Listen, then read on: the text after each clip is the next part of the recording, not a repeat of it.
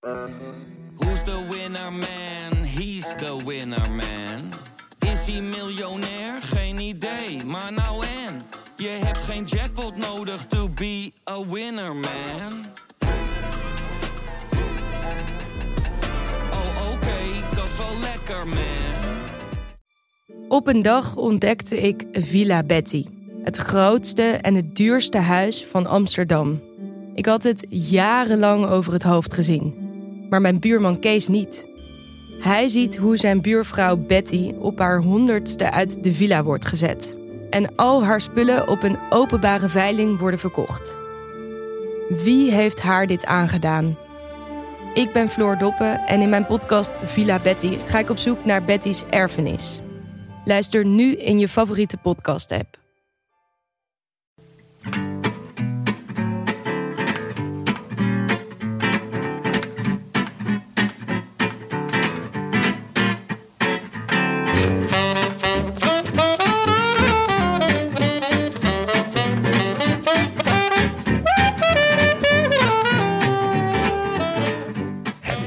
Is donderdag 13 juli 2017. Eindelijk weer een finishberg op in de Tour de France. De tweede pas, mon dieu. Mijn naam is Willem Dudok en tegenover mij zit Tim de Gier. Vanaf onze vertrouwde bank in Amsterdam-West is dit de Rode Lantaarn, de wielerpodcast van Het is Koers.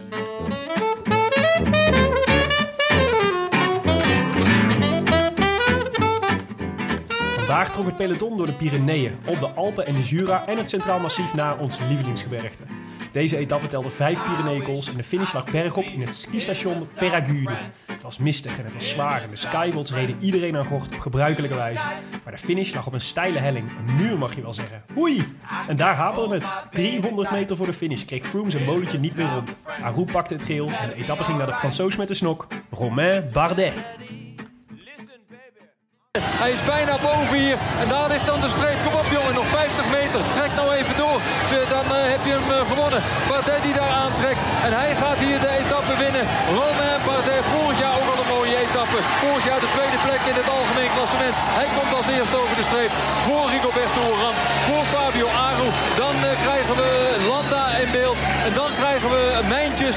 Daar komt Martin. En daar pas komt Froome. Ach, wat heeft hij afgezien zeg. Hij staat bijna stil. Chris Froome. Even kijken, de achterstand. 16 seconden. 17 seconden. 18 seconden. Froome die gaat een tik krijgen hier hoor. 21 seconden achterstand op de winnaar. Op Romain Bardet. I wish I could be in the south of France. In the south of France. Sitting right next to you. Tim, het was een beetje een droevige dag vandaag. Ja, ik moest, wel even, ik moest wel even in de stemming komen voor de Tour. Want eh, ik zat natuurlijk eh, met mijn hoofd vooral bij Abdelhak Nouri vandaag. Ja. Triest, hè? Heb jij, eh, ja, vandaag is dus even voor duidelijkheid de nieuws doorgekomen dat hij blijvende hersenschade heeft. Ja. Nadat hij ineen-zakte tijdens de trainingskamp in Oostenrijk afgelopen weekend. Zat jij ook te kijken? Z- Naar die, Zaterdag? naar die wedstrijd. Ja. Nee, maar ik zag het vrij snel op, op Twitter natuurlijk, wat er aan de hand was. Ik dacht, ik ga die beelden niet terugkijken of zo. Maar ja, die, het was vrij snel dat je de ernst van de situatie wel zag. ja. En toch had ik de afgelopen dagen, zat ik eigenlijk te wachten op het nieuws dat het allemaal super meeviel. En Ja. dat, het, eh, en dat hij eh, wakker was geworden. En dat ik zat te wachten op een foto op Twitter waar hij in zijn- in een ziekenhuisbed ligt en zijn duim omhoog stak. Maar Ja. die foto kwam er niet. ja. En die komt er ook niet meer, ben ik bang. Zijn broer zei in het AD zei die, eh, zei die dat hij echt hersendood is. Ja, Ik weet niet in hoeverre, in hoeverre hij dat zeker weet. Of dat hij dat in de vlaag van de emoties zegt. Maar laten we ervan uitgaan. Ik bedoel, laten Ja. we van het ergste uitgaan. Ik vind het zo, eh, zo moeilijk. Je weet niet zo goed wat je met dit soort verdriet moet. nee. En zo'n sporter die je... Want het is niet dichtbij genoeg dat je het echt heel erg direct op jezelf betrekt. Ja, Maar het is ook niet ver weg genoeg om, eh, om, het, om het van je af te kunnen zetten. nee. Maar het was natuurlijk ook... Het is zo'n knuffelbiertje, die eh, appie. Weet je wel, in alles. Dus dit zo, dat voelt zo'n beetje alsof je... Alsof je favoriete... Alsof in één keer iets heel ergs gebeurt met je favoriete neefje of zo, weet je wel? Zo voelt het een beetje, vond ik. Ja, Ja, het is, ja, het is verschrikkelijk. Echt, eh, ik kan er ook niet veel meer over zeggen dan dat, toch? ja. Ook niemand om boos op te worden. Dat is ook zo verschrikkelijk. Ja. Ja. Je wil Ja. zeggen, hoe, hoe, heeft de, hoe hebben de artsen dat in godsnaam zo kunnen doen? Maar ja, ze hebben had fantastisch hulp gekregen. Ja, Heel snel. toeval, hè? Vies, smerig toeval. Ja. Ja, nou goed. Laten we het proberen achter ons te laten. En Ja. eh, ons eh, oog weer op de Tour te richten. Ja, of Wat- op de literatuur. Murakami bijvoorbeeld. Ja, We hadden, hadden eh, een mooi gesprek met Dylan van Baarle op de rustdag. Dat was leuk. Dat is een leuke, sympathieke gast. En die vertelde over dat, hij, ehm, dat zijn, zijn, zijn roomie, Taylor Finney... dat hij alles, alle werken van Murakami aan het verslinden was. En dat, hij, dat vond hij eigenlijk wel interessant. En hij zei, ja, ik zou het ook wel willen lezen. Maar eh, ik, eh, ik, wil, ik kan, ga er niet aan kunnen in het Engels. Want zij had, Veli had ze natuurlijk allemaal in het Engels. En wat deed Atlas Contact vandaag? Zomaar, spontaan? ja. Die ja, fantastisch. Die stuurde hem de vertaling op. is een mooie, een goede inhaker. Echt een hele goede inhaker van Atlas Contact. Ja. Ik ben blij dat ze daar hun eh, gedachten nog, nog scherp hebben. Weten wat belangrijk is. Ja, precies. In de storm waar zij ook doorheen gaan. Ja. Het was wel, Welk ik boek, vond- welke Murakami was het eigenlijk die ze stuurde? Die, volgens mij de laatste, de nieuwste. Is dat die ene over de kat? Ik weet Nee, niet, ik nee, lees nooit nee. Murakami. Nee, dat is Kafka on the Shore. Oh. Ik zou het moeten weten natuurlijk, hoe die nieuwste heet. Iets met Ik lage landen? Grens, landerslanden? Maar zoek het op. We vragen het aan de, we vragen het aan de stagiair. Waar is de stagiair gebleven deze Ik tour? weet niet, het ligt op bed. Het is ook pas drie. Maar ik vond het een mooi gesprek met Dylan van Baarle. Ja, was leuk hè? Ik vind het toch, het is toch fijn dat gewoon, eh, ik ook zeg maar de, de, het gemak waarmee zo'n jongen dan gewoon ja, ja zegt. Vind je hartstikke leuk. Ik wil rust met jullie eh skypen. Dat verbaast me toch echt. Eigenlijk is het elke Ja. keer zo. Dat, eh. Het verbaast ons elke keer hoe makkelijk wiel- wielrenners meewerken. En dat je niet langs een PR-bureau moet voordat je met ze kan praten. Nee, ja, super, ja, superleuk. Dus we gaan, eh, ik denk dat we moeten proberen om dit vaker te doen. Want ik vond wel, ik bedoel, los van de technische uitdagingen van Skype en opnemen en alles, wat de luisteraars vast ook wel hebben gehoord. Over het algemeen was het volgens mij best te verstaan, maar Ja. zat een paar puntjes, hè? Een paar puntjes. We kunnen het volgende keer beter. Ja, sowieso. We worden iedere keer bij. Nee, ik vond het heel leuk. Dus ik wil voor een volgende rustdag zou ik weer graag een, eh, weer een renner skypen. Misschien moeten we de, onze luisteraars vragen wie ze graag in, de, wie ze graag in een rustdag special willen horen over, eh, over zijn tour Ja. tot nu toe. Ja, dat is een goeie. Dan gaan we ze maandag proberen te Wie bellen. zou jij graag willen? Ik vond eh, Maurits Lammertink wel een, eh, leuk, Ja. wel een goed idee. Dat is wel een bijzondere renner. Ja, Ik zou ook graag Jetse Bol willen. Rijdt hij ook mee? die rijdt de Vuelta straks. Dan gaan we uit, Oh ja. uiteraard waarschijnlijk dagelijks volgen. Ja. Maar die Maurits Lammertink rijdt dus bij Katusha. Wat, Ja. ik echt, wat er toch fascinerend moet zijn dat je als Nederlandse jongen die gewoon bij Katusha terechtkomt. Wat is dat, hè? Met al die tourploegen. Als je nu naar het, eh, naar het schema kijkt, dat je dan de Emiraten heb je als ploeg. En. Astana en. Katusha. Ja, Het zijn toch allemaal een beetje, een beetje dubieuze tourploegen. Olieploegen. Olieploegen. Daar heb jij niks mee, hè? Olieploegen. nee, de, de Mordor-teams.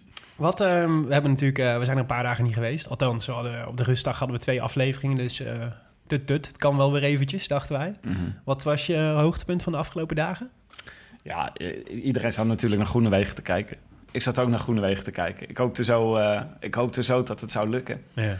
Maar het is gewoon, hij komt net tekort. Hij heeft Ja. gewoon, zijn ploeg is net niet goed genoeg. Hij is zelf niet strategisch goed genoeg. Ja. En hij, nou ja, zijn- snelheid is wel goed genoeg. Ja, Zo er is er gewoon één die heel veel beter is dan hij. Ja, weet je wat ik ook zat te denken? Die snelheid die bedriegt ook een beetje. Want dat hij de topsnelheid haalt is één ding. Ja. Maar dat je het volhoudt is iets anders. En Ja. dat heeft Kittel. Die is gewoon zo'n beer. Die houdt gewoon... Die komt misschien... eh, die gaat net 70, waar eh Groenewegen 71 kan. Ja, en, maar die eh, houdt het gewoon langer vol. Ja, terwijl Kittel ook nog vol in de wind rijdt, hè? Dus Groenewegen zit, die rijdt automatisch, omdat hij altijd tweede of vierde of achtste of tiende rijdt, zit je altijd beschut achter iemand anders rug. Ja. Dus het is veel makkelijker om eh, topsnelheid te bereiken. Kittel zit gewoon altijd in de wind Ja. en, en wint gewoon, ja, dus hij is gewoon te sterk. Ja. En Groenewegen is volgens mij, weet je, iedereen weet je, wordt dan tweede en derde en zo. En dan hoor je, hoor je ze op tv weer zeggen, deze, deze jongen kan gewoon een toeretappe winnen. Ja, Ja. wanneer dan? Je zag ook soort van, werd een soort van geveinsd op de, van, eh, dat, bij de NOS. Van, ja, nu is het wachten op het duel Groenewegen-Kittel in Parijs. Ja, jongens. Ik vind het gewoon niet zo... Ik vind niet zo Dan kunnen wij ook een toeretappe winnen. Kijk, het probleem is, ik vind dus altijd commentatoren... Je mag het best leuk maken. Ik vind Ja. dat je dingen relevant mag maken. Maar je moet niet mijn verwachtingen onnodig opkloppen. Dat vind ik echt heel irritant. Nee. Dat als je dingen... Ik heb ook het gevoel dat het voor een gedeelte jinxen is. Ja. Elke keer op zo'n manier naar Groenewegen kijken. Dan ben je ook niet meer blij als hij tweede wordt. Dat je met je eigen teleurstelling aan het organiseren. Ja. Gewoon eerlijk zijn over Groenewegen. Hij komt gewoon tekort. Ja, En dan- opzichte van Kittel in Dan kunnen we ook weer blij zijn. Ja, precies. Het is een mooie prestatie, tweede en derde worden. En het is, het is geen straf om van deze Kittel te verliezen, volgens mij. Het vraagt, je vraagt je wel af waarom Lotto Jumbo een hele ploeg de hele dag opoffert om, eh om, eh om Groenewegen af te zetten in een massasprint, terwijl je weet dat je er altijd opgelegd wordt. Ja. Weet je wel, heb je niet meer kans, denk ik, als je gewoon eh één of twee jongens meestuurt in de vlucht. Ook bij dit soort etappes. Heeft Groenewegen überhaupt zo'n trein nodig om in zo'n positie te komen? Ik bedoel, ze hebben iedere keer al zo'n trein en het is pas één keer gelukt om hem goed af te zetten. ja. Het is echt een beetje dat ik denk, ach, ja, misschien moeten we over Jotto Lumbo maar weer eh, het zwijgen toe doen. Niet boos maken over eh Jotto Nee. Lumbo. Maar ik vind, het, ik vind het fijn dat hij het goed doet. Alleen ik denk niet dat, dat er sprake is van enige nervositeit van Kittel over Groenewegen in Parijs. Ja, eerlijk gezegd. Nou, een ander opmerkelijk moment van de afgelopen dagen vond ik het interview wat Herman van der Zand hield met Froome. Ja, was dat gisteren? Ja, Ja, toch? Gisteren mochten ze even met elkaar praten. Ja. En toen Wat, zei, wat zei Froome? Over Dumoulin, toch iets? ja, hij maakte zo'n stom grapje over, de, de- over Dumoulin, over zijn luier. Oh, Hij zei- dat was hij het. zei van, zijn tas luiers die hij mee moest of hij bang zou zijn voor Dumoulin. Of, of dat hij Ja. nadacht over Dumoulin. En toen Ja. zei hij, ja, dan eh, als hij zijn luier meeneemt. Of nee, ik moet misschien een luier meenemen. Ik weet niet meer wat ze precies zijn. Echt Froome. Echt, we moeten hem een wedgie geven, man. ik hoop dat Dumoulin dat gaat doen. Ik vind Froome echt zo... eh 90% van de tijd is hij oké. En Ja. 10% van de tijd maakt hij stomme grappen en zegt hij stomme dingen. Ja. Ja, en die heeft, hij heeft die nare neusbel. Dat trek ik ook echt heel slecht, merk ik. Is dat nieuw? Ik zag dat vandaag voor het eerst. Nou, het is, schijnt dus zeg maar de doorontwikkelde neuspleister te zijn. Weet je wel, dat is toch zo een beetje tien jaar terug droegen Oh ja. alle topsporters in één keer zo'n neuspleister. Ja. Weet je wel, dat, soort, dat zou dan je neus verder openzetten waardoor je meer zuurstof kon innemen. Ja, dit schijnt zeg maar de doorontwikkelde versie te zijn. Dat of het is echt een dub- heel dubieus modestatement. Maar eh, ja, ik denk altijd dat Aru daarmee heel veel voordeel heeft. Die heeft niet zo'n neusding nodig, omdat hij gewoon zijn mond wijd open kan sperren. Dan kan er, kunnen gewoon kubieke meters zuurstof er in één keer naar binnen Zo gezogen heel worden. veel plankton die hij in één keer naar binnen kan scheppen als hij in, eh, in zee zwemt. Ja. Heb, heb je trouwens ook gehoord dat eh, Armstrong, eh, die, die is met een vurig pleidooi bezig voor het afzetten van de helm in de, tijdens de Ja, laatste ber- beklimming. Bergop. Ja. Ja. Ja, hij had een soort theorie toch dat, eh, dat, dat hij was daarvoor omdat je dan de, meer het karakter van de renners in de koppen zag. Zij genoemde Pantani als voorbeeld. Ja. Dat we Pantani nooit, eh, dat hij nooit zo'n sterrenstatus had bereikt als hij een eh, enorme helm op had gehad. Het is wel een Wat beetje ik zo. waag te betwijfelen hoor. Maar. Nou ja, het is, het is voor de verbinding, verbintenis die het publiek heeft met de renner. Is natuurlijk wel leuk als je iemand gewoon in zijn Ja. bakkes kan kijken tijdens de laatste klim. Ja. En dan, eh, een, je had een tijdje lang die wielrenners, daar kan ik al die gezichten, die, ik hoef echt mijn ogen maar dicht te doen en kan die gezichten voor de, Ja. voor de ogen halen. Ries en Virank en, eh en, en Ulrich. En dat was, echt, was echt fantastisch. En ik zou bijvoorbeeld, ik kan me niet eens voorstellen hoe het eruit ziet als Quintana zonder helm een berg oprijdt. Nee. Ja, dan ziet iedereen dat hij 51 is. Ja, ja, dat zouden ze daarom niet doen. ja, hij is gewoon grijs onder zijn helm. Maar ja, aan de andere kant denk ik ook weer... Robert Geesink krijgt het ook voor elkaar... om berg Ja, op een ontzettende smak te maken. Dus ja, Ja. Ja. dat is natuurlijk waar. Maar goed, kijk, topatleten lopen... dus eh, Usain Bolt zet ook geen helm op als hij 100 meter gaat sprinten, toch? en dat is ook gevaarlijk. Ja, als je, In dan, principe. als je dan valt, dan doe je jezelf ook heel erg pijn. Ja. Maar niet zoveel pijn als dat je doet als je met 70 per uur naar beneden tegen een rotswandje aankwakt. Ja, Talking of which, bizar vind ik het nog steeds dat Daniel Martin gewoon relatief ongeschonden deze, deze koers heeft vervolgd. er is niks aan hem te zien, hè? Nee. Dat is echt... Maar heb je, de, je zag ook, eh, ze hadden GoPro-beelden van, eh, van ehm, op de, helm van de monteur, die, eh, of van de mechanicien die aankwam rennen. En hij stond ook zo'n beetje zo te wachten tot, tot, tot hij een nieuwe fiets zou krijgen. Ja. En toen ging hij er gewoon weer vandoor. Alsof er niks aan had. Terwijl Poort zeg maar, achter hem lag te creperen van de pijn met, ik geloof, 17 botbreuken. En, Nou, maar- en, eh, en Daniel Martin doet het niks. Nou, maar wacht even. Maar Poort valt, valt uiteindelijk ook wel mee. Want die heeft dus zijn bekken gebroken en zijn sleutelbeen gebroken. Ja, Ja, maar, ja, nu dus. eh, dat, maar dat zijn voor breuken. Valt het voor wielrenners nog best wel mee. Want hij zegt tussen de vier en de zes weken... en hij kan weer fietsen. Ik begrijp daar helemaal niks van. Ja. Nou, maar dus de, de Bargiel ook, hè. Die had zijn bekken gebroken twee maanden geleden. En die wint gewoon... die, die, die, die won gewoon bijna de etappe. De hele dag in de aanval. En met, een, met gewoon twee maanden geleden een be- gebroken bekken... ben je nu weer in topvorm. Echt, het zijn toch, het zijn toch een stel matadoren bij elkaar, Tim. Nou, of je kan zeggen, wat een aanstellerij die helmen. Gewoon af. Ja, jullie, kunnen het- jullie laten iedere dag weer zien dat je prima zonder kunt. ja, dat is ook zo. Rectificaties, hebben we die? Eh, nou, je- ik vind dat jij even door het stof moet. Jij zei vandaag, eh, jij twitterde hashtag Rode Lantaarn, hashtag Glazen Bolcup. En je had het over ene Steven Cummings met een V. Ja. En eh, ik heb echt gezocht. Ik heb overal gezocht, Willem, maar ik kan hem niet vinden. Er is wel een Steve Cummings in het peloton. Ja, en een Steven Cummings is een... Steven is een doopnaam. Maar nee, met PH. ja, ja, met PH, Willem. Vooruit. Ik eh, neem een verlies. Ik zal- Steven Philip Ik Cummings. zal het nooit meer doen. Overigens, ken je, ken je de, eh, die podcast, hoe heet die ook alweer? Ehm, Live in the Peloton met Mitch Docker. Heb je die wel eens geluisterd? Is dat, eh, is dat van jouw favoriete ploeg, eh, Orica Green Edge? ja, van Orica Green Edge. Die, eh, die ik, waar ik echt mijn best voor heb gedaan om die al een keer tegen te komen in deze Tour. Want ik heb ze nog niet echt gezien. Met hun kopman Esteban Chavez. Die zie je, je af en toe afvliegen op de eerste beklimming. Ja, ja die het zijn hoge verwachtingen niet bepaald waarmaakt. Maar Mitch Docker rijdt dus in die ploeg. Niet in de. Hij rijdt niet in de Tour, maar hij maakt ook een podcast. En daar waarin hij, eh, waarin hij zo nu en dan renners interviewt. En dat, is echt, dat zijn best wel leuke gesprekken.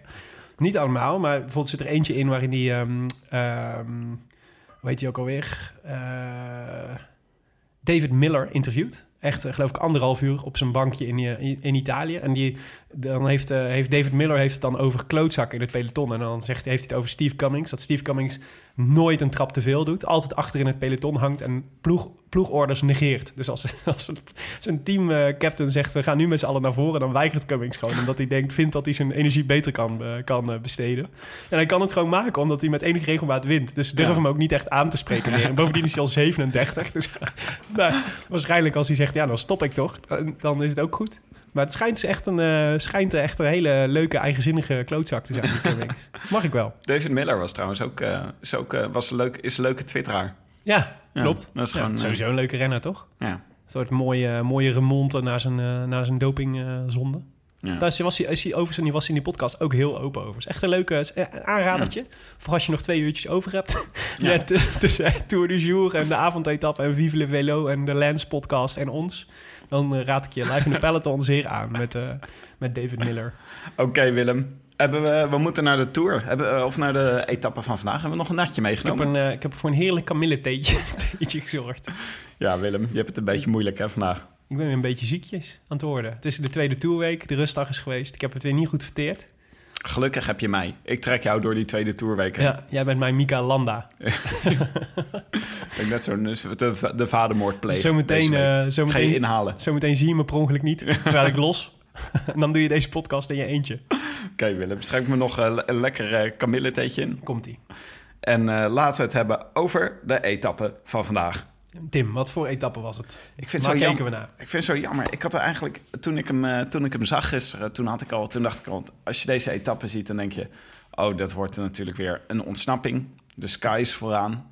En dan aan het einde, want het zat, eh, nou, ik zal hem even beschrijven. Het begon met een lang stuk vlak. Ja, Dan kwamen er een aantal bergjes, vierde, vijfde, tweede, eerste categorie. ja. Dan kwam de grande finale op de Peyre Sourde, Mhm. die ze op en af moesten. ja. En dan was er nog een beklimming, die was, eh, nou ja, die was niet, zo, eh, niet zo heel erg ingewikkeld, naar Peyragude, met vooral een ontzettend muurtje, ontzettende muur op het einde van Ja. 400 meter. ja. En ik dacht, nou, die gaan ze natuurlijk, eh, die skies, die gaan gewoon bij elkaar blijven tot dat laatste muurtje. En dan gaan, eh, gaan de favorieten nog proberen een paar seconden op elkaar te pakken. Dus dat gebeurde. Ik dacht wel, dat wordt Dan Martin. Ja, ja was wel wat voor hem geweest. Ook Ja. altijd in de Waalse Pijl en in uh, Luik, Bastenaken, Luik ook altijd goed. Voor deze er maar etappes- eentje beter eigenlijk op dit soort dingen. Ja, Alejandro, Alejandro, die had ik hiervoor meegenomen. die had je voor deze etappe had hij het kunnen doen. Dat denk ik serieus. Als je ziet dat, eh, nou ja, dan komen we even op de zaken vooruit lopen, maar is gewoon in de laatste 200 meter wordt gewoon eh 20, 30 seconden gepakt op sommige renners. Mhm. Zeg maar op het laatste. En dan hebben we het over de toppers. Moet je nagaan wat eh, Alejandro hier had kunnen. Dit was zo'n tour voor Alejandro geweest. Hij had Ja. gewoon Balberde. Balberde. Is er niet, eh, we gaan laten we niet eh, ordinair Valverde we mogen, Ba- Balberde. sinds hij naar ons gezwaaid heeft, vind ik dat we Alejandro mogen zeggen. Sinds jij hem naar de grond gezwaaid hebt in de proloog. Ja. Maar eh, dit was zo perfect geweest. Want we hadden natuurlijk twee weken geleden, op maandag, hadden we ook al zo'n etappe met zo'n muur aan het einde. Ja. Daar had hij gewoon echt tijd kunnen pakken. En nu had hij tijd kunnen pakken. En voor de rest worden er niet zo heel veel verschillen gemaakt. Nee. En het was een perfecte tour geweest. Ik had het zo goed gezien, Willem. Ja, zeker. Ik heb je toen toch al gecomplimenteerd met je keuze. Ja, Ook voor Aru overigens. Heb je ook in je prono, toch? ja. Ja, keurig. ja, ja. Dat is nog wel de enige die nog overeind staat. Maar We hadden vrij snel hadden we een, eh, hadden we een kopgroep, toch? ja, eh, even de administratie? Even de administratie, inderdaad. We hadden een, eh, een kopgroep vooruit. Daar zaten best wel een paar interessante renners bij. Duidelijk de twee sterkste waren Steve Steven Phillips Cummings en Thomas de Gent. Ja. Eh, Michael Matthews zat er ook bij. Dat is de tactiek van Sunweb om hem de hele tijd met dit soort eh, dingen mee te sturen. Maar er zaten nog een paar andere bij, waarvan Diego Ulissi een heel interessante was. Die wel een beetje tegenviel. En Koen de Kort. En Koen de Kort. Ja. Ja, vriendelijk, vriendelijk als hierbij staan. De boezemvriend van John Degenkop. Zou die vooruitgestuurd zijn om, eh, om, voor Contador? Ja, ik denk, nee, ik denk dat dit echt een ontsnapping was. Maar Gewoon opgegeven. Ja, er zit niet echt een... eh, er zat Maar niet echt... Opgegeven bedoel ik. En dan Ja, Contador gewoon heeft je eigen kans. Ja, precies. Oké. Zat er een eh, Orica Scott eh, renner bij, Tim? Eh, nee. Nou, die hebben weer een heerlijke rustige dag gehad. In de, in de soort, spelen een soort verstoppertje, denk ik.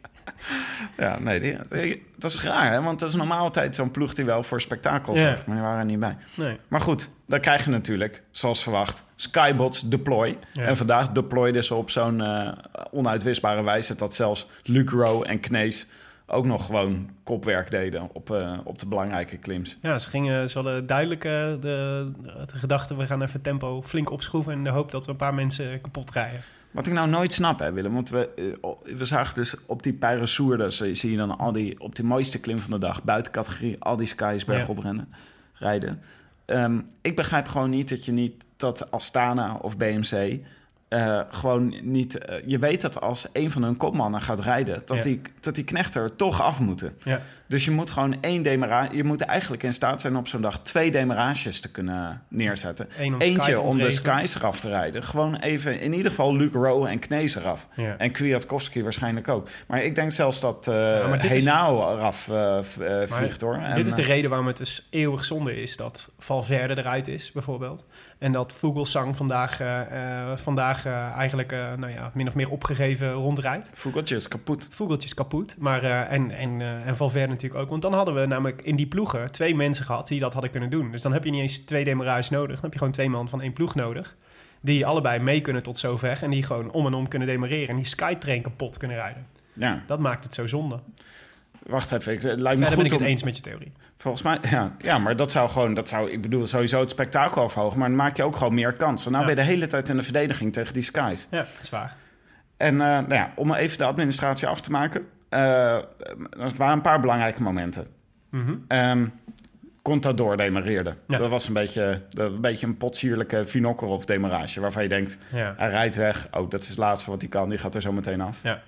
Dat gebeurde, want Contador kon eh, later eh, op de Peyresourde niet meer mee. Nee. Quintana kon ook niet meer mee. Nee. Vogeltje moest eraf. Ja, maar hadden, we- hadden we wel verwacht, toch? Dat vogeltje eraf ging. Want die was gewoon zo gehavend dat daar weinig van over was. Ja, rijdt met een kapotte elleboog. Ja, het is ook twee scheurtjes in botten. Volgens mij is zijn elleboog. Heeft Ja, ja, dat zou kunnen. Daar zitten ook botten. Stelt Contador je teleur? Hmm. Ik had gehoopt dat hij het eh, nog één keer zou kunnen. En ik had gehoopt dat hij, dat hij in ieder geval zo goed zou zijn... dat hij mee kon spelen in het, in het spel van voren. Dus dat hij echt een rol van betekenis had kunnen spelen. Dus ik denk als je, als je Contador er nog bij had gehad... met Bardet en Aru en eh Porte... Dan had, je, dan had je wel echt een boeiender spel gezien, denk ik. Dus in dat opzicht vind ik het echt vind ik het jammer dat, hij, eh, dat het hem niet lukt. Ja, hij is natuurlijk ook wel... Hij is gewoon wel op leeftijd en hij is... Ja, Ja, maar op leeftijd. eh eh, zo. eh, Balberde is een paar jaar ouder dan eh ja, Contador. Ja, dat is waar. Maar ja, misschien is het gewoon op. Ja. Ik was, hij is gewoon niet sterk genoeg. Het is fijn, nou ja, fijn in die zin voor Mollema, denk ik. Omdat hij, en de korte ook, zag je vandaag dat hij ook meeging. Mhm. Ik denk dat het voor Mollema heel interessant is, de rest van de Tour. Als hij inderdaad, zoals hij zegt, beter gaat worden in de komende, in de komende tijd.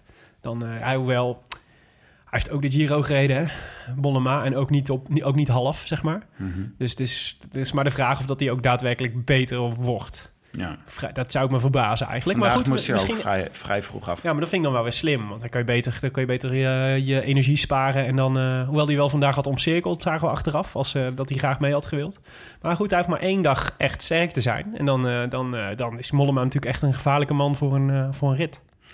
Jammer dat ook eh, Quintana moest er vrij snel af. Ik Ja. heb wel eens een, eh, ik, ik heb wel een beetje een theorie over Quintana. ik denk Oh, dat ja? het best wel eens zou kunnen dat hij het grootste slachtoffer is geworden van het poepen van eh, Tom Dumoulin. Oh, joh, ja. ja, dat denk ik ook. Sorry, is jouw poeptheorie, Willem? Schitterende poeptheorie die, die met de dag be bewaarheider wordt. Bewaarheid, meer bewaarheid wordt. Ja. Ja. Nee, ik denk, ja, ik denk dat je wel gelijk hebt. Hij Ah, zei, is toch ik ben gewoon, op eh, 100% en hij is niet op 100%. hij is Nee, maar het is, denk dat je gewoon moet constateren dat het dat het eh, niet kan. Een Giro en, en daarna een, al- een Tour allebei in, in topvorm rijden. Ja, ik vraag me ook af of de... eh, De enige eh, nu is de- Landa die het doet. Nou ja, maar de, ja, dat is waar. Maar het heeft ook met de strategie van de ploeg te maken. Ik denk ook dat bij Mo- Movistar voor een heel groot gedeelte de kaarten op eh Valverde stonden. Ja, En die is gewoon weggevallen. ja En de Quintana als bliksemafleider. Ja, dat was heel slim geweest. Ja, en eh, de rest doet het ook niet goed, hè? Nee. Amador moest er ook snel af. Nee, dat is waar. Maar ik kan me ook voorstellen... Ik weet niet hoe dat werkt. Misschien moeten we dat maandag tijdens de rustdag even aan zo'n renner vragen. Maar ik kan me voorstellen dat als je, in je, als je hele zeg maar, strategie is afgestemd op Valverde en Quintana... en je ziet dat Quintana eigenlijk niet in vorm steekt... en dat je Valverde al op dag één kwijtraakt... dat dan ook echt sowieso wel echt een beetje een rare tour is. Ja. Dus wat, wat ik leuk vond van Van Baarle... was dat hij zei eh, dat de sfeer in hun ploeg supergoed was al, hè? Dus dat ze, dat ze, eh, dat ze gewoon eh, lol hadden en ontspannen waren. En dat is ook gewoon omdat alles nog redelijk mee zit. En omdat ze dan op het juiste moment eh, een, een rit winnen. Dus het- ik voorspel dat, zeg maar, volgens mij... Je ziet dat altijd soort... dat, dat de succesvolle ploegen in een tour worden succesvoller... en de, en de zwakke ploegen in een tour worden zwakker gedurende, de, gedurende ja, de race. Ja, precies. Dus we kunnen denk ik nog van Cannondale veel verwachten. En van misschien van AG Deuzer ook. Welke vinden we nog meer, vinden we nog meer sterk? Sky is een beetje... Ik vind toch... Weet je, ook al laat ze het vandaag zien dat ze... Dat ze maar het, is, het houdt ook weer niet over, hè? Dus het is Landa die... die maar ja, daarvan kun je toch ook niet verwachten... dat hij dit nog anderhalve week gaat volhouden, zou ik zeggen. Nou, nou, we gaan het zien. Wacht, nog heel Ja. even om, eh, om even het, eh, duidelijk het eh, verloop van deze Ja, etappe. de Porte de. De Portebouw, de afdaling was eigenlijk het meest interessant. Want eh Froome en, rijdt achter Kwiatkowski aan in de afdaling. Ja. En die rijdt Pardoes, zo de camping langs de zijkant van de weg, rijdt hij op. Die Ja. mensen schrokken zich dood. Aru er ook achteraan. En de rest van, eh, je zag toen... eh, je zag Niet om te poepen in de camper. niet om te poepen. Of nou, misschien had Froome gewoon sinds gisteravond, weet je wel, sinds het gesprek over Dumoulin, dacht hij, kut, ik moet ook... Ja, dit is de ideale voorbereiding op een de Giro volgend jaar. Maar je zag toen eh, Bardet, zag je in de, op camera zag je naar Quintana kijken van, eh, ga, gaan we nu, gaan we nu aanvallen? En toen deden ze niks, toen hielden ze de benen stil. Ja. Wat eigenlijk iedereen een beetje stom vond. Want ja, het is gewoon een stuurfout. Eh Sturen hoort erbij. Ja. En hij stuurde niet. Dus Nee. ja, dan, Ja, dan is het een goed moment om aan te vallen. Ja. Maar ja, misschien was het ook gewoon wel een zwaar moment. Anders ging het gewoon niet zo lekker. Laten we het er niet al te lang over hebben. De Peressoure die was echt... vond ik. Zo jammer. Ja, Ja, het waren gewoon de, die skies hè, die, het, eh, die het uitmaakten. En niemand viel aan. nee. Misschien is het ook eh, in de Tour op dit moment... dat ze het gevoel hebben dat Sky zo onverslaanbaar is... dat ze het gewoon niet Ja. proberen... en proberen hun eh, eigen plek te consolideren. Want Ja. ik denk dat Aru... We weten ook dat Aru is, sinds deze week. Heeft hij zelf gezegd. Niet Aru, maar Nee. Aru. Aru. Ehm, ik denk dat hij ook gewoon blij is met de podiumplek. Ja. Ja, En tot nu toe. ja, tot nu toe. Ja. Tot aan de muur. Precies, want het wordt interessant in de laatste beklimming. Ja. En vooral op een muurtje aan het einde. Ja. Cummings is dan inmiddels al, eh, die is eh, even weggereden, die is opgeslokt. Wat heel triest is, maar dat zult u straks horen. Ja, voor jou. en dan krijg je het, dat muurtje van de laatste 400 meter. En dat is wat, je, wat men noemt een snok. Ja. Snok moet je hebben, toch? Ja. Een snok moet je hebben. Het is een muur en je moet daarvoor een snok hebben. ja. Er zijn niet zoveel renners die dat echt goed kunnen. Valverde is echt eh, de meester. Ja. Dani Navarro misschien. Ik vond dat, eh, wat hier nu gebeurde, was eigenlijk eerst Bennett, Martin. Ja. die heel goed wegging. ja. Toen dacht ik, zo, die, had wel, die sloeg gelijk een eh, groot gat. Maar wel te vroeg, hè? Veel te vroeg, veel ontzettend stil. Ja. Toen kreeg je Dan Martin, die ook eigenlijk hier heel goed in is. Ja. En die hield het ook niet. Ja. En toen, tot eh, ieder stomme verbazing, moest Froome kon niet meer mee. Toen eh, Bardet en Aru, Ja. Aru aangingen. Aru. Ja. En eh, Landa, die finishte zelfs nog voor zijn kopman. Ja, hij zei dat hij eh, Froome niet had gezien. Dat hij moest lossen. De kopman, dus die gast in de gele trui, zeg maar. Die, had, die had hij niet gezien. Die had hij even gemist. Ja. Dus dan krijg je een, Tuurlijk, Mikael, dacht ik. ja, Ja. je dus een ei- einduitslag. Mensen hebben de neiging om Froome niet te zien deze Tour. Had je dat al opgevallen? Hoezo? Aru ook al niet. Die zei ook al dat hij Froome niet had gezien. Misschien is het Zo. toch die neusbel die hij uit moet doen. Is dat een onzichtbaarheidsneus? neus? Een soort Harry Potter Ring. is het. Dus eh, uiteindelijk, in de uit- einduitslag had je dus Bardet, die kwam als eerste binnen. Prachtige overwinning. Ja. Daarna, Echt indrukwekkend hoor. Hij reed, echt, hij reed nog, echt Hij- nog weg bij Aru. Qua timing was het hij perfect. timed het zo goed. Ja, dat is echt, echt knap. Ja. Is ook ontzettend dun. Het is echt de tour van de dunne mannen. Ja. De Aru is ook hartstikke dun. Ja. Daartussen tussen hun twee zat nog eh, Rico Berto Uran, Uran, Uran, Uran. Ja, zeker. De, Die rock, rijdt de rockster. goed. De rockster van eh Cannondale. Mhm. Zo genoemd door Dylan van Baarle. Mhm. Ja, en dan Landa. Ja. Ja. ja. Wat maakte jij van deze vadermoord die er plaatsvond? Want Froome die kwam op 22 seconden binnen. Ja, wat een gelul zeg. Dat hij, dat hij, eh, dat hij niet had gezien. Ja, hij dacht gewoon, dit, ik ga gewoon niet wachten. En het valt op zich misschien ook wel voor te zeggen... de vraag is hoeveel had Landa nog kunnen doen voor Froome die ontploft was? Niet zoveel misschien, weet je. Dat je twee seconden, twee seconden terugpakt of zo met een extra... Met, dat je net in het wiel kan blijven of net niet. Maar ja, je gaat hem ook niet duwen of zo omhoog, toch? Ja. En ehm, ja, je kan hem ook niet uit de wind houden, bergop. Ik bedoel, dat slaat nee, hij op. moet, er toch, hij moet toch zelf omhoog, Ja. uiteindelijk. Ja. Maar wat hij had kunnen doen, had een soort bruggetje kunnen vormen tussen. Ja. Door tussenin te gaan zakken. Ja, en wat Mollema de- deed in de Giro, hè, voor Tom. Ja, want dan krijg je dus dezelfde tijd. Omdat het dan een groepje is. Ja, ja, dat had gekund. Dat- waren die paar seconden die hij had kunnen, die die had kunnen terugpakken. En eh, het levert eh, een, eh, een onverwachte uitslag op. Namelijk dat Fabio Aru nu de gele truidrager is. Ja, Toch nog iets spectaculairs in de laatste 400 meter. ja. Zes seconden heeft hij nu op Froome. Ja, maar de, de winnaar van de dag is voor mij eh, op alle fronten Bardet, hoor. Ook al heeft hij niet het geel. Dus wat er gebeurt dus, is dat Bardet hier de eh, tijd pakt. Op, zijn, eh, op, alle, op twee voorname concurrenten. Oké, twee seconden op Aru, dat is niet heel veel. Maar wel gewoon, ehm, wat is het, eh, 22 seconden op, op Chris Froome. En hij pakt de etappe, dus hij is het, hij is het feestvaker. Maar hij is er, na vanavond is hij er weer vanaf. Maar Aru, die, moet nu, eh, die rijdt nu in het geel voor het eerst. Iedereen vindt het interessant. Moet al, die- al die media langs. En, eh, en op Froome staat ook gewoon de druk. Al de hele tijd. Weet je, als de grote favoriet. Dus hij, is gewoon, hij heeft zich gewoon in een positie gemanoeuvreerd... die volgens mij ideaal voor hem is. Het is heel fijn voor Bardet. En daar, dit maakt de, met Aru natuurlijk... Maakt de tour, breekt de Tour in één keer open. Ja, ja, ja. Het is, ik zou het moment niet willen... Ik denk dat dit een heel significant moment was. Dat Froome niet mee kon en dat de gele trui van schouders wisselt. Ja.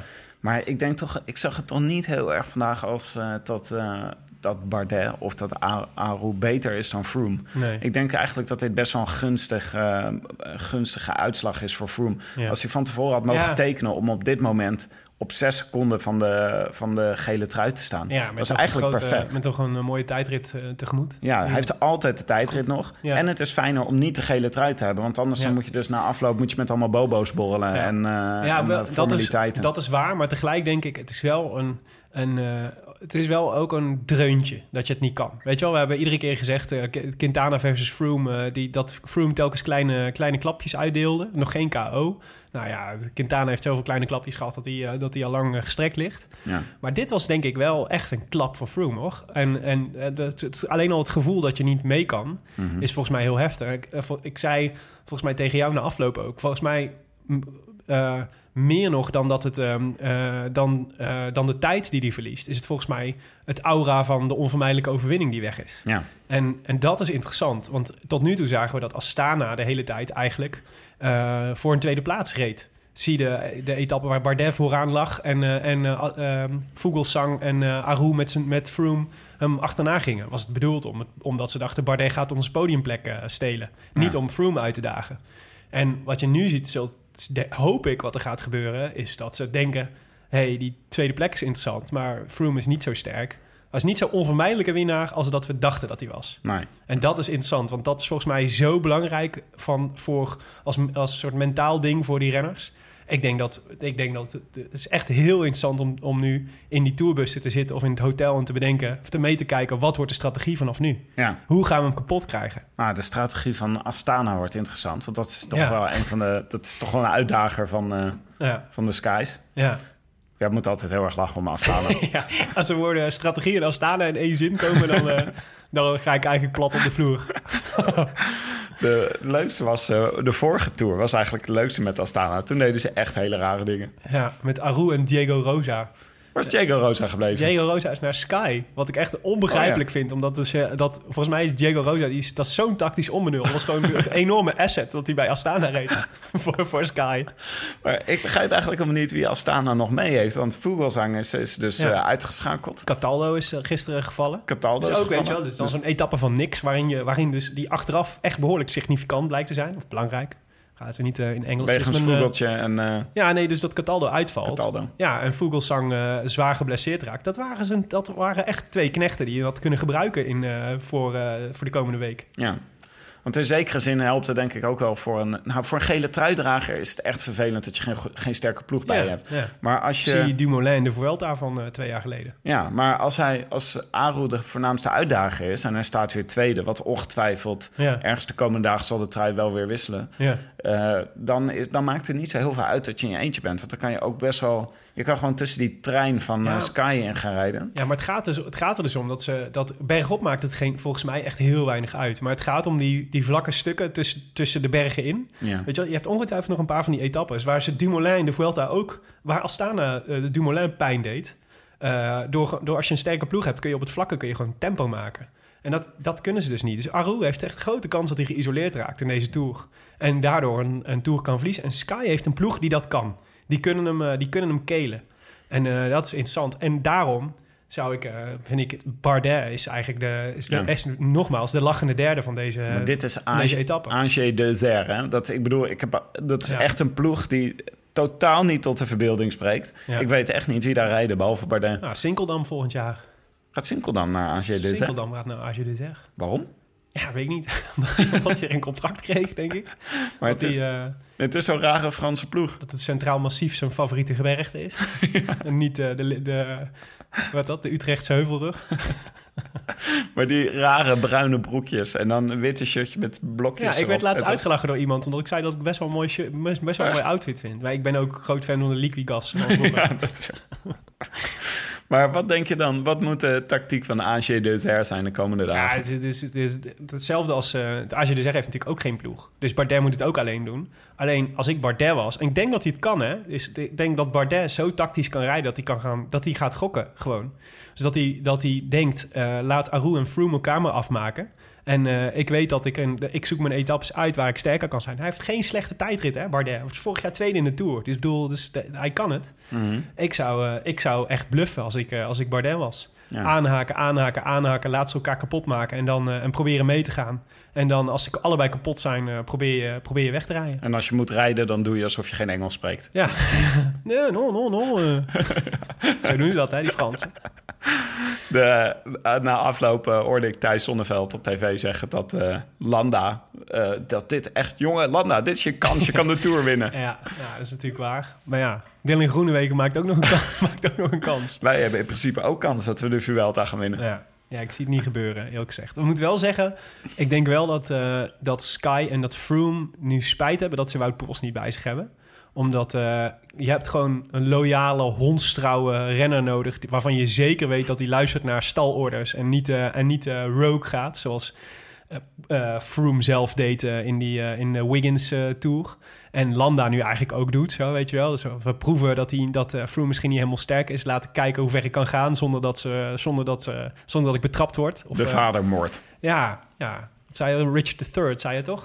ja, het is een, het is een ik zit ook niet zo goed. Ik zit net zo slecht in mijn Shakespeare als in mijn Murakami. Maar het is een Shakespeareaans drama. Ja, maar ik geloof het gewoon niet. Ik, ik denk dat er, dat er niet zo heel veel gebeurd is in die ploeg. Ja. Je zag achteraf zag je zo'n filmpje waar je, waar je de materiaalman wild met zijn armen zag slaan. En dan Landa zo wanhopig zo. eh. Ja. Maar de- ik weet niet of dat betekende... Oh, wat heb je gedaan? Je hebt ons de Tour gekost en je gaat nu zelf voor de gele trui. Maar wat ik wel vind dat ze moeten doen... wat de beste strategie voor AG de Zer zou moeten Ja. zijn... is nu de hele tijd in de pers gaan zeggen... dat Landa je voornaamste tegenstander is. Om gewoon onrust te stoken. Ja. En dan, en dan de hele tijd in het wiel van Landa gaan zitten en niet bij Froome. Je moet Astana, Astana doen en een beetje, een beetje dopinggeruchtjes verspreiden en zo. Dat soort dingen. Ze mentaal kapot maken, die skies.